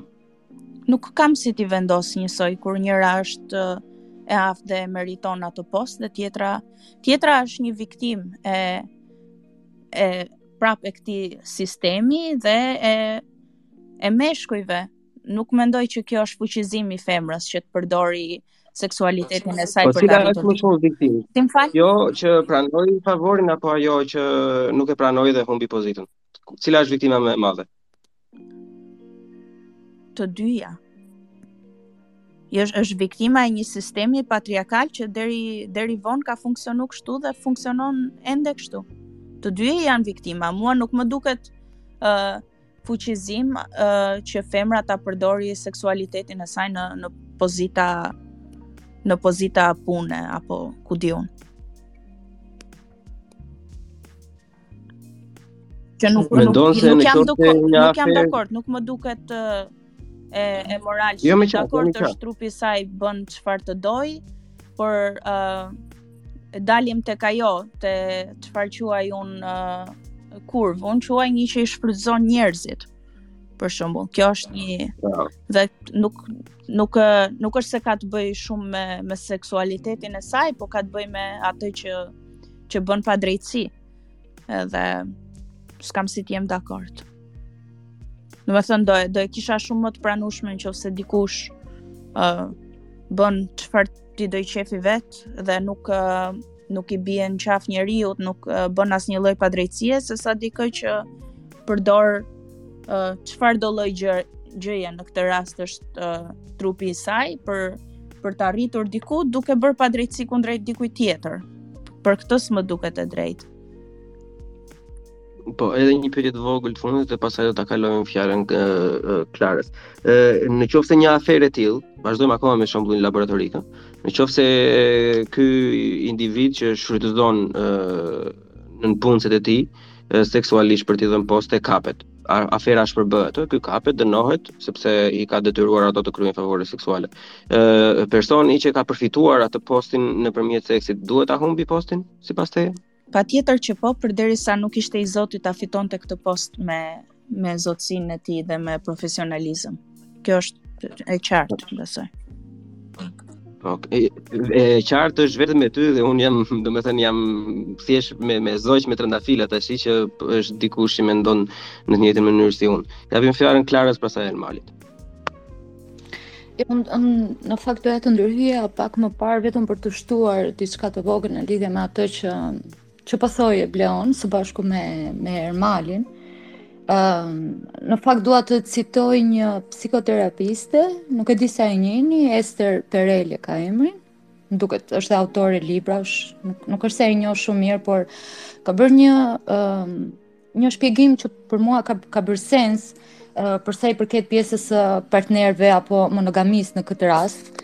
Edhe uh, shpjegonte në në një intervistë që uh, Dikur, një individ quhej monogam në momentin kur kishte një partner edhe për të gjithë jetën, ndërsa në ditët e sotme dhe besoj biem dakord të gjithë, në kohët e sotme dikush quhet monogam nëse ka një partner për aq kohë sa zgjat lidhja.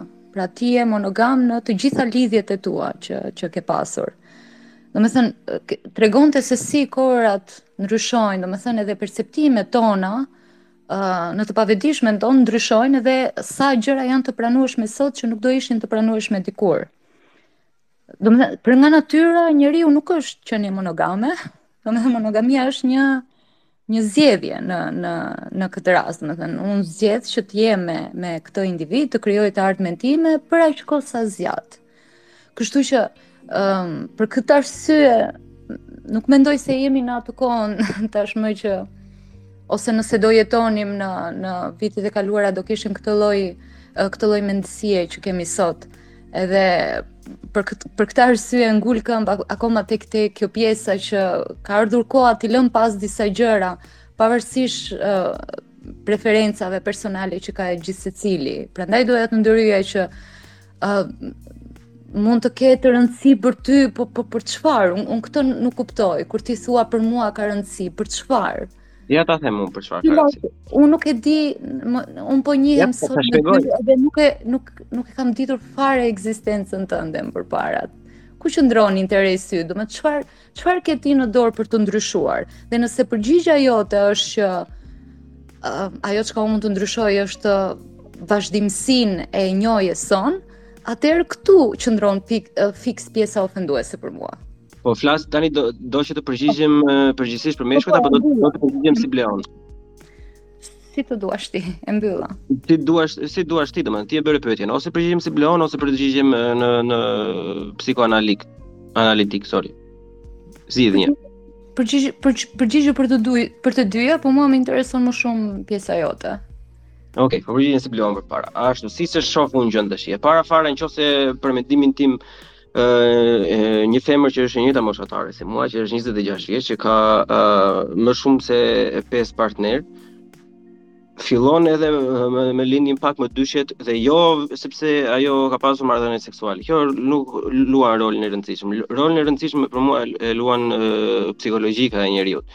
Interesi im mbas marrjes vesh të informacionit do jetë që ok, në qoftë se kanë qenë kaq shumë lidhje sa kanë qenë, pse kanë mbaruar këto lidhje? Sepse është një kohë e shkurtër për mendimin tim që për të pasur lidhje. Unë jam një person që çdo lidhje që kam pasur nuk uh, un kam pasur disa, se nuk më kanë ecur fatkeqësisht, por gjithmonë kam nisur uh, për një qëllim dhe një qëllim të vetëm edhe uh, pa dashur ta anashkaloj. Edhe nëse një person i tillë që i ka nisur prapë ato lidhje nuk i kanë ecur, unë do të dua ta di që pse kanë përfunduar. Domethënë që ta kuptoj. Më fal që ndërpres, më fal që të ndërpres. Nuk është e po. thënë që të jenë në uh, medoemos lidhje, mund të kenë qenë thjesht partner seksual. Jo, po nuk pyes për partnerin seksual, kështu se nuk më intereson fare, domethënë. Po pra, po këtu konsiston pyetja. Po, po nuk më intereson po, partner seksual, nënkupton eksperiencat, edhe ajo është një eksperiencë. Po po po, po unë nuk do unë nuk e konsideroj fare një vajzë për shembull që ka atë lloj pikëpamje për jetën, pavarësisht se e respektoj vendimin e saj, po sepse unë jam i vetë person i tillë që unë nuk i unë vetë si Bleon nuk i krijoj lidhje të tilla, nuk kam marrë pjesë as në one night stand as për eksperienca tek tek seksuale, edhe duke qenë i tillë vetë Unë nuk kam pse ul, domethënë standardin që unë mbaj ndaj vetes ta ul për dikë tjetër. Unë gjithmonë i mbaj gjithë personat në të njëjtin nivel me veten, as më shumë, as më pak. Diçka që unë nuk do ia kërkoja vetes, nuk do ia kërkoja asnjë njeriu. Nuk mendoj se kjo është një standard i ulët, me thënë të drejtën, po mirë, okay. Çfarë më bën përshtypje? Klara. Ermali, të lutem Ermal, do ta jap fjalën për Zotin, do të do të lë të flasësh se ke folur më pak nga të gjithë, po dua ta ta mbaroj përgjigjen, të lutem. Do ta jap fjalën të ke 5 minuta neto. A, është dhe. Dhe kjo pjesa që si e, e perceptoj unë si individ. Për, për mua ka rëndësi të, të kuptoj dhe sa e aftë ka qenë ky person në një marrëdhënie. Domethënë, ça mund të më ofrojë kjo mua në të ardhmen dhe ça mund t'i ofroj unë kësaj. A ka kjo dëmtime, janë për faj të kësaj, apo janë për faj të partnerit, ose ku di gjë unë. duhet këto të gjitha janë gjëra që duhen analizuar sepse në fund të fundit unë nuk e shikoj uh, lidhjen edhe marrëdhënien edhe pse ndodh që ndahen nuk e shikoj asnjëherë për shembull siç e thonë ju që ok nesër pasnesër uh, divorcohen secili të vazhdojë jetën e vet jo unë e shikoj në mënyrën në momentin që unë vendos të martohem nuk kam unë fjalën divorc as nuk do ta do ta do ta censuroj madje edhe në televizion, se për për mua është çdo gjë një betejë, mbasi un kam marrë vendimin ë për t'u martuar. Nuk e nuk e shikoj më si opsion fare, thjesht janë probleme që duhen zgjidhur dhe duhet të maturohesh. Edhe fëmijët kur zihen me njëri-tjetrin ikin dhe nuk flasin. Adultët duhet të bashkohen dhe të zgjidhin problemet. Për pjesën e meshkujve pastaj, për masën dërrmuese të meshkujve, Ka ja të them se cili është numri sepse si mashkull ti do ta dish, sepse do vesh në një bar, do vesh në një kafe. Kjo është absurditeti, ëh. Kjo është pika më e ulët e mundshme.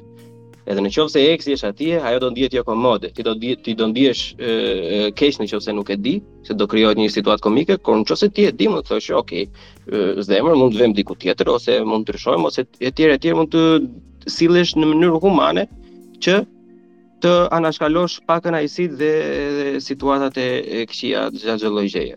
Edhe ka shumë arsye të tjera, Klara që unë do të vazhdoj të them se i kam shënuar letër, nuk do t'i harroj, por do t'ia jap fjalën Ermalit se nuk e kemi lënë asnjëherë të mbarojë deri në fund, edhe ju lutem të mos e ndërprisni sa t'i shprehi të gjitha ça ka te qypi.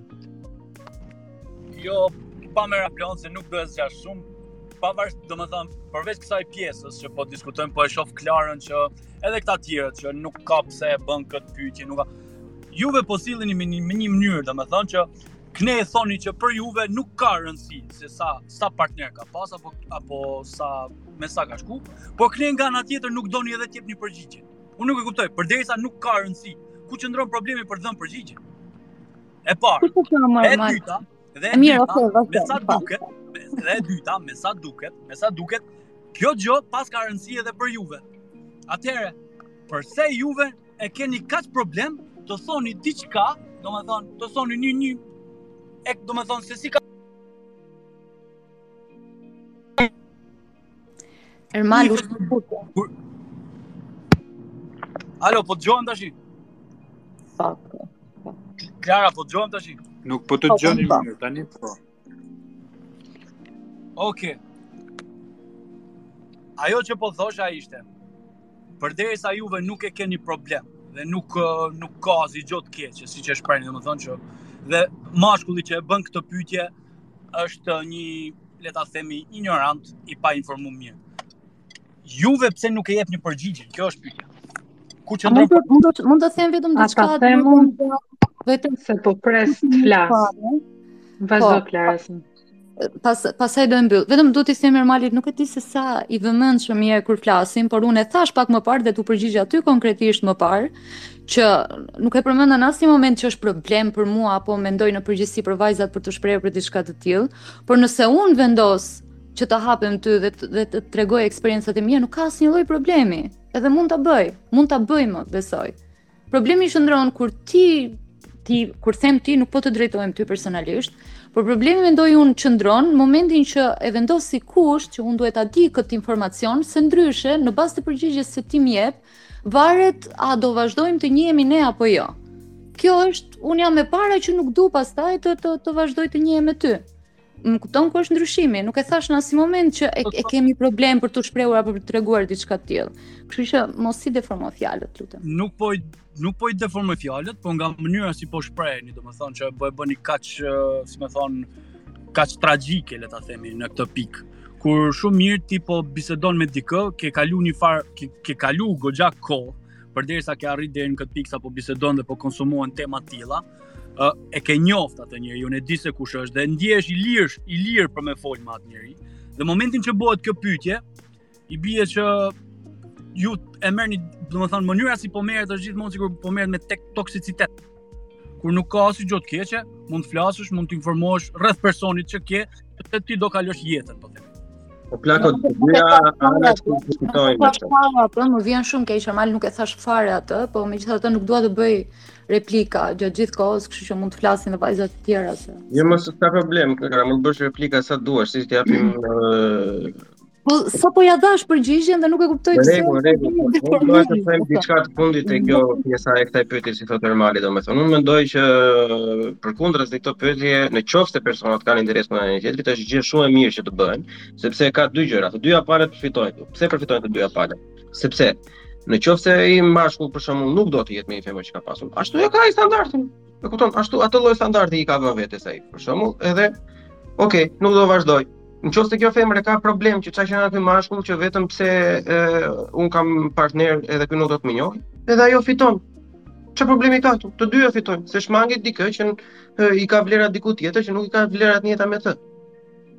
Kështu që nuk humbet asnjë palë nga kjo. Po thjesht duhet të jetë takt, duhet të jetë mënyra e shprehur. Tani t'i japim fjalën si jo. A mund ta marrë Po, Xhenisi, faleminderit. Për këtë që tha Ermali, unë mendoj që në marrëdhëniet njerëzore përgjithsisht duhet të paktën në mënyrën se si e shoh unë, unë zbatoj një rregull shumë të rëndësishëm për veten time. Nuk bëj asnjëherë pyetje përgjigjet e të cilave nuk duhet nuk dua t'i marr. Sepse në momentin që bën një pyetje dhe pyet dikë sa partner ke pas, duhet të marrësh parasysh faktin që përgjigja që mund të marrësh mund të jetë nga ato përgjigje që të paktën për meshkujt dhe egon ë uh, shumë delikate të meshkujve mund të jetë lënduese.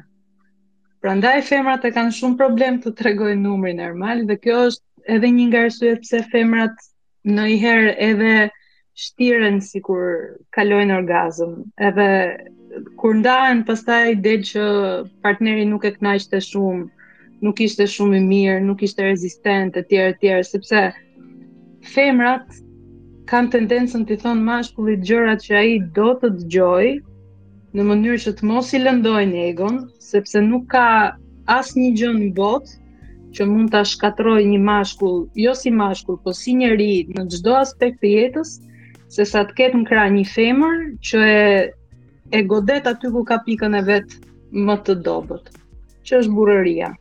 edhe t'i thuash dikujt që ke pas shumë partnerë ose që ke pas partnerë të tjerë që të kanë kënaqur më shumë seksualisht apo gjëra të tilla si këto është nga ato gjërat që mashkullin e lëndojnë dhe për mendimin tim e bëjnë edhe të bjeri në një gjendje apatie apo në thonjëza depresioni.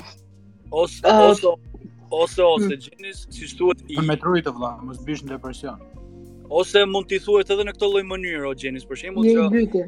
Jo, je je më i mirë në gjithë katunin. Je më i mirë në gjithë katunin. Kjo do e bënte të lumtur. Edhe ajo po varet se sa e ka atë sensin e konkurrencës me të tjerët. Nëse do të jetë kështu i pari më i mirë i gjithëve, okay. Nëse do të jetë i pari sa për numër, pastaj nuk vlen as ajo. Kështu që këtë mendoj unë. Uh, për çfarë po flitej që parë me Resin, se m'u duk shumë interesante ajo si bisedë, unë mendoj që viktima në atë rastin specifik që po pyeste Bleoni, është ajo gruaja që ka humbur vendin e punës sepse ka refuzuar të cënojë integritetin e vet dhe të ofrojë favore seksuale për të marrë një vend pune apo një benefit apo diçka. Ky është mendimi im, sepse se si funksionon sistemi përgjithësisht, si funksionon njeriu si qenie njerëzore dhe që pushteti është afrodiziaku më i madh e tjerë e tjerë, këto të gjitha i dim, po ashtu dim dhe pjesën që njeriu mund të jetojë gjithë jetën e vet pa bërë kompromise me 1 2 3 gjëra që i ka të rëndësishme. Dhe për mendimin tim, dhe respektin tim më të madh kanë këto gratë që nuk bëjnë kompromise me nuk po them ndershmërin, se nuk dua ta quaj ndershmëri, po nuk bëjnë kompromise me këtë pjesë, refuzojnë të bëhen pjesë e një sistemi që të kërkon të japësh favore seksuale në në këmbim të një pune që e meriton ose jo. Domethënë që duan të konkurojnë me këdo që kanë përballë, mashkull apo femër qoftë, nëpërmjet përgatitjes dhe profesionalizmit dhe me asnjë mënyrë tjetër. Për mua këto njerëz meritojnë respektin më të madh dhe çdo lloj ndikimi tjetër, lobimi, tarafi, më the tash është bën viktima këto njerëz. O Xheni si një replikë të vogël ose një pyetje të vogël ah. te kjo pjesa, domethënë se po. vë re që kanë shumë persona shumë problem te pjesa e nderit. Mirë, deri diku ne kemi vënë standardin tash, domethënë që të jesh i virgjër ose të jesh i virgjër nuk është më çështje nderi se po emancipohemi. Po kur e përdor në mënyrë të keqe, në mënyrë për për të shmangur gjëra, Si nuk mund ta quajmë këtë jondershmëri? Në një mashkull, në qoftë se Bleoni korrupton Albin, un jam i pandershëm sepse un nuk e arrita të marr një vend pune, një favor dhe e pagova. Un jam njeri i pandershëm. Mm. Valuta që femra ose që një ky te ky lasti rasti laboratorik nuk është valuta e lekut, është valuta e seksit. Edhe një pra. person i pandershëm është. Po këtë thashë edhe unë, domethënë nuk e konsideroj viktimë unë një grua që zgjedh të japi favore, favore seksuale për të mbajt ose për të fituar një vend pune. Unë e konsideroj në qoftë se, shiko, janë disa uh, anekdota, disa raste jashtëzakonisht shumë të veçuara, kur janë për shembull raste në skamje, uh, dhe ajo mund të ketë një figurë shumë të bukur për shembull edhe që mund të jetë e pëlqyeshme nga shumë meshkuj, edhe që thotë që ok, më mirë do jetoj me këtë brengën gjithë jetën, po do ndihmoj familjen. Po këto janë raste të rralla domethënë. Edhe për këto nuk e di domethënë a mund t'i vija në një standard sesa me, me të gjithë rastet e tjera. E, nuk e di, është një çikë kështu e komplikuar, pastaj po të bësh analogji me këtë rastin specifik, se unë për shembull respektoj shumë më tepër një punonjëse nga ato të rrugës ça quhet ajo e kuqa, rruga dritave të kuqe në, në Amsterdam, sesa një grua që ngjit shkallët e karrierës duke shkuar me shefat, burrat e të tjerëve, kupton? Për mua është shumë më e ndershme në qoftë se ke vendosur të bësh diçka dhe të shesësh seks, të shesësh seks si thjesht për të bërë atë gjë dhe jo të për ta përdorësh si armë për të arritur diku tjetër. Për mua fjala kurvë nuk ka lidhje fare me me numrin e partnerëve ka lidhje me të qenit ose jo loyal kundrejt njerëzve që të ke zgjedhur të jesh të kesh afër. Për mua ë kurvë është një femër që ta fut, të manipulon, të përdor, të shet ose një mashkull. Dhe gjitha këto gjëra ose një mashkull. Jo, po meshkujt kanë atë kanë atë tjetrën. Kanë atë epitetin tjetër. Për mua ata janë BQ, femrat janë kurva se për mungesë të një fjale më të mirë. Po s'ka lidhje fare me numrin e partnerëve seksual, sa ka kalu, sa s'ka kalu, do me thënë, këto janë gjëra që Njerëzit ndonjëherë fare se duhet t'ia jap fjalën edhe Dajanës edhe Gazmendit se po presin. E një gjë të vogël, po një femër që tradhton, mund të quhet kurvë? Varet dhe këtu dua të ta zgjas një çik sepse femrat kryesisht ndryshe nga meshkujt tradhtojnë me ndjenjë. Për mua çdo gjë që bëhet kur e ndjen nuk do ta konsideroja si kurvë. Dhe megjithatë, edhe këtu ka ka një gjë Eh, ka një klauzolë të vogël që mund të tradhtosh se ndjen për dikë tjetër, ndërkohë të mos mbash partnerin që ke dhe të tregohesh real. Edhe t'ia thuash gjërat siç janë. Domethënë kushdo që tradhton, ndërkohë që ka një partner edhe do dikë tjetër, edhe shkon me atë tjetrin, nuk është njeri i mirë në gjykimin tim. Mund të ndodhë që njeriu është me një partner prej pak kohësh ose shumë, takon dikë tjetër, bie në dashuri, e kupton që e do pasi kryen kryen marrëdhënie dhe në atë moment vendos t'i japë drejtim marrëdhënieve të veta me të dy njerëzit dhe për mua kjo është ok deri diku. Okej, okay. këtu këtu këtu ndahen mendimet tona për shembull sepse unë nuk e mendoj se është e ndershme, në qoftë se unë nuk mendoj se është e domosdoshme të kryesh marrëdhënie seksuale për të rënë dashuri, kështu që nuk është e domosdoshme që ajo të provojë se si e bën krevatin që të ndahet me tjetrin, unë mendoj se do ishte më e ndershme në rastin që okay, unë kam njohur këtë personin tjetër që po ma bën jetën shumë të bukur këtu ndahen rrugët tona dhe që të nesër mund të vazhdoj të bëj çfarë dua. Po, po, s'ka dy raste njësoj, kështu që edhe s'ka dy njerëz njësoj. Ka nga ata që kanë nevojë të jenë 100% të sigurt për zgjedhjen që do bëjnë, edhe shumicën e rasteve kjo ndodh. Është edhe pak egoizëm, ajo po që s'mendon për tjetrin, se ai tjetri mund të jetë diç një person që mund të ketë pasur të tilla raste, por vetëm për, për hatër të lidhjes nuk ka vendosur të të, t'i hyjë asaj rruge, kurse personi tjetër vendosi t'i hyjë asaj rruge dhe po ai lëndohet, edhe kjo është dyanëshe, jo vetëm nga meshkuj apo nga femra. Po, Nëse, sido të shkojë, një njeri do lëndohet në atë mes. Nëse se më bëhet kot këtu, më falni mbarova. S'ka problem. Dajana, pastaj Gazmendi. Ëh, uh, përshëndetje. Prapë, unë kam një pyetje vetëm. Po në një në një çift uh, gay. Pyet ndonjëri domethënë sa sa ke pas? Kush pyet domethënë në një çift meshkujsh gay? Sa meshkuj ke pas më përpara? Ëh, çiftet gay nuk nuk janë të njëjti standard. Pavarësisht se ne duam të sillemi sikur janë të njëjti standard, është e thjeshtë fare. Çiftet gay nuk janë të njëjti standard, sepse sado të emancipohet shoqëria dhe çdo lloj shoqërie e mundshme, nuk do jetë asnjëherë ajo uh, fara natyrale e familjes që është në uh, familje që mund të krijojnë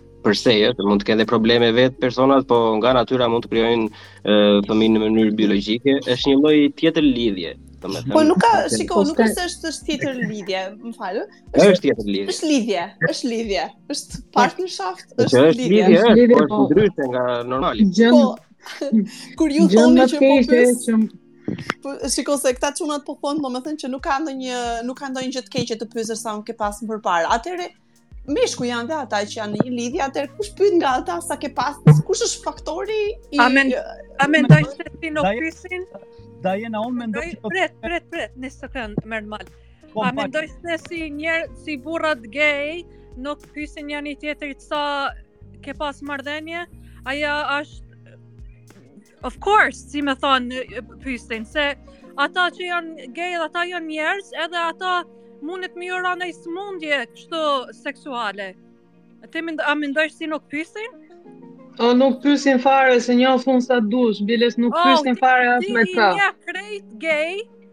E na nuk i njohin. Njoh shumë, njoh shumë për të ditur që janë shumë të çliruar nga ana po, po, seksuale, po. sepse gjënë më të keqe thonë se që mund të bëjë. Ata që janë gay do të më vjen pa çfarë se në në ato LGBTQ ka më shumë sëmundje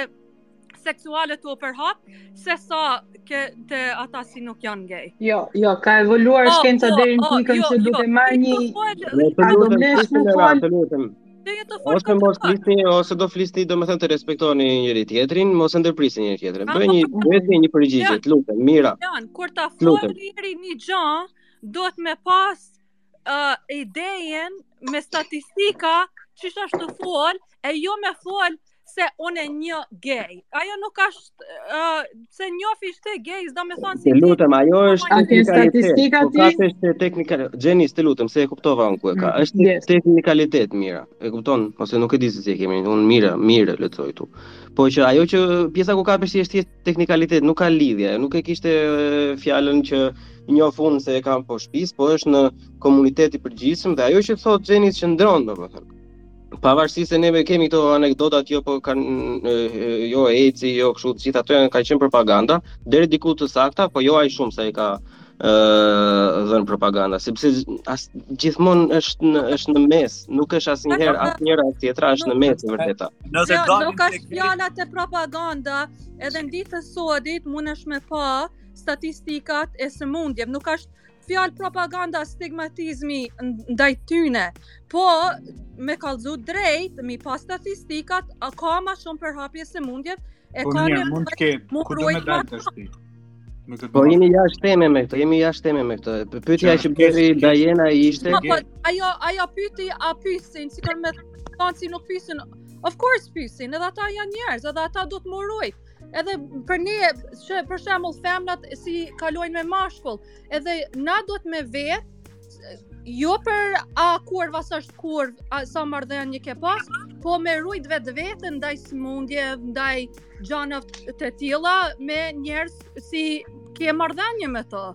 Je, e, djala vajzë çish a, do është Okej. Okay. Tu ke të drejtë. Tu ke të drejtë, po të lutem se duhet të të ndërpres se e, se u kutën dhe para dhe duhet të jap fjalën gazmendit, lutem. Te krime që ta. Po pse e ma ndërpreve mua, se unë isha duke fol.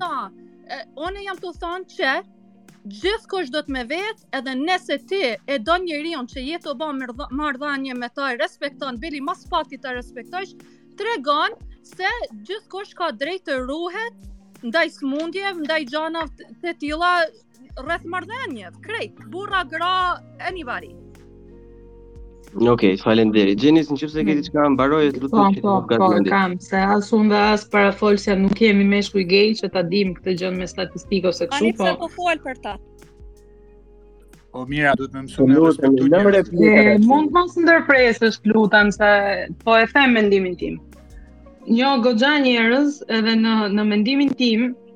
Arsyeja pse ndodh kjo që s'pyet njeri ndonjëherë sa partnerë kanë pas, është sepse një mashkull gay ose një anëtar i komunitetit LGBT është seksualisht shumë më i çliruar se sa një heteroseksual, sepse thënë shqip fare gjënë më të keqe që mund të bëjë dikush seksualisht e kanë bërë, janë gay.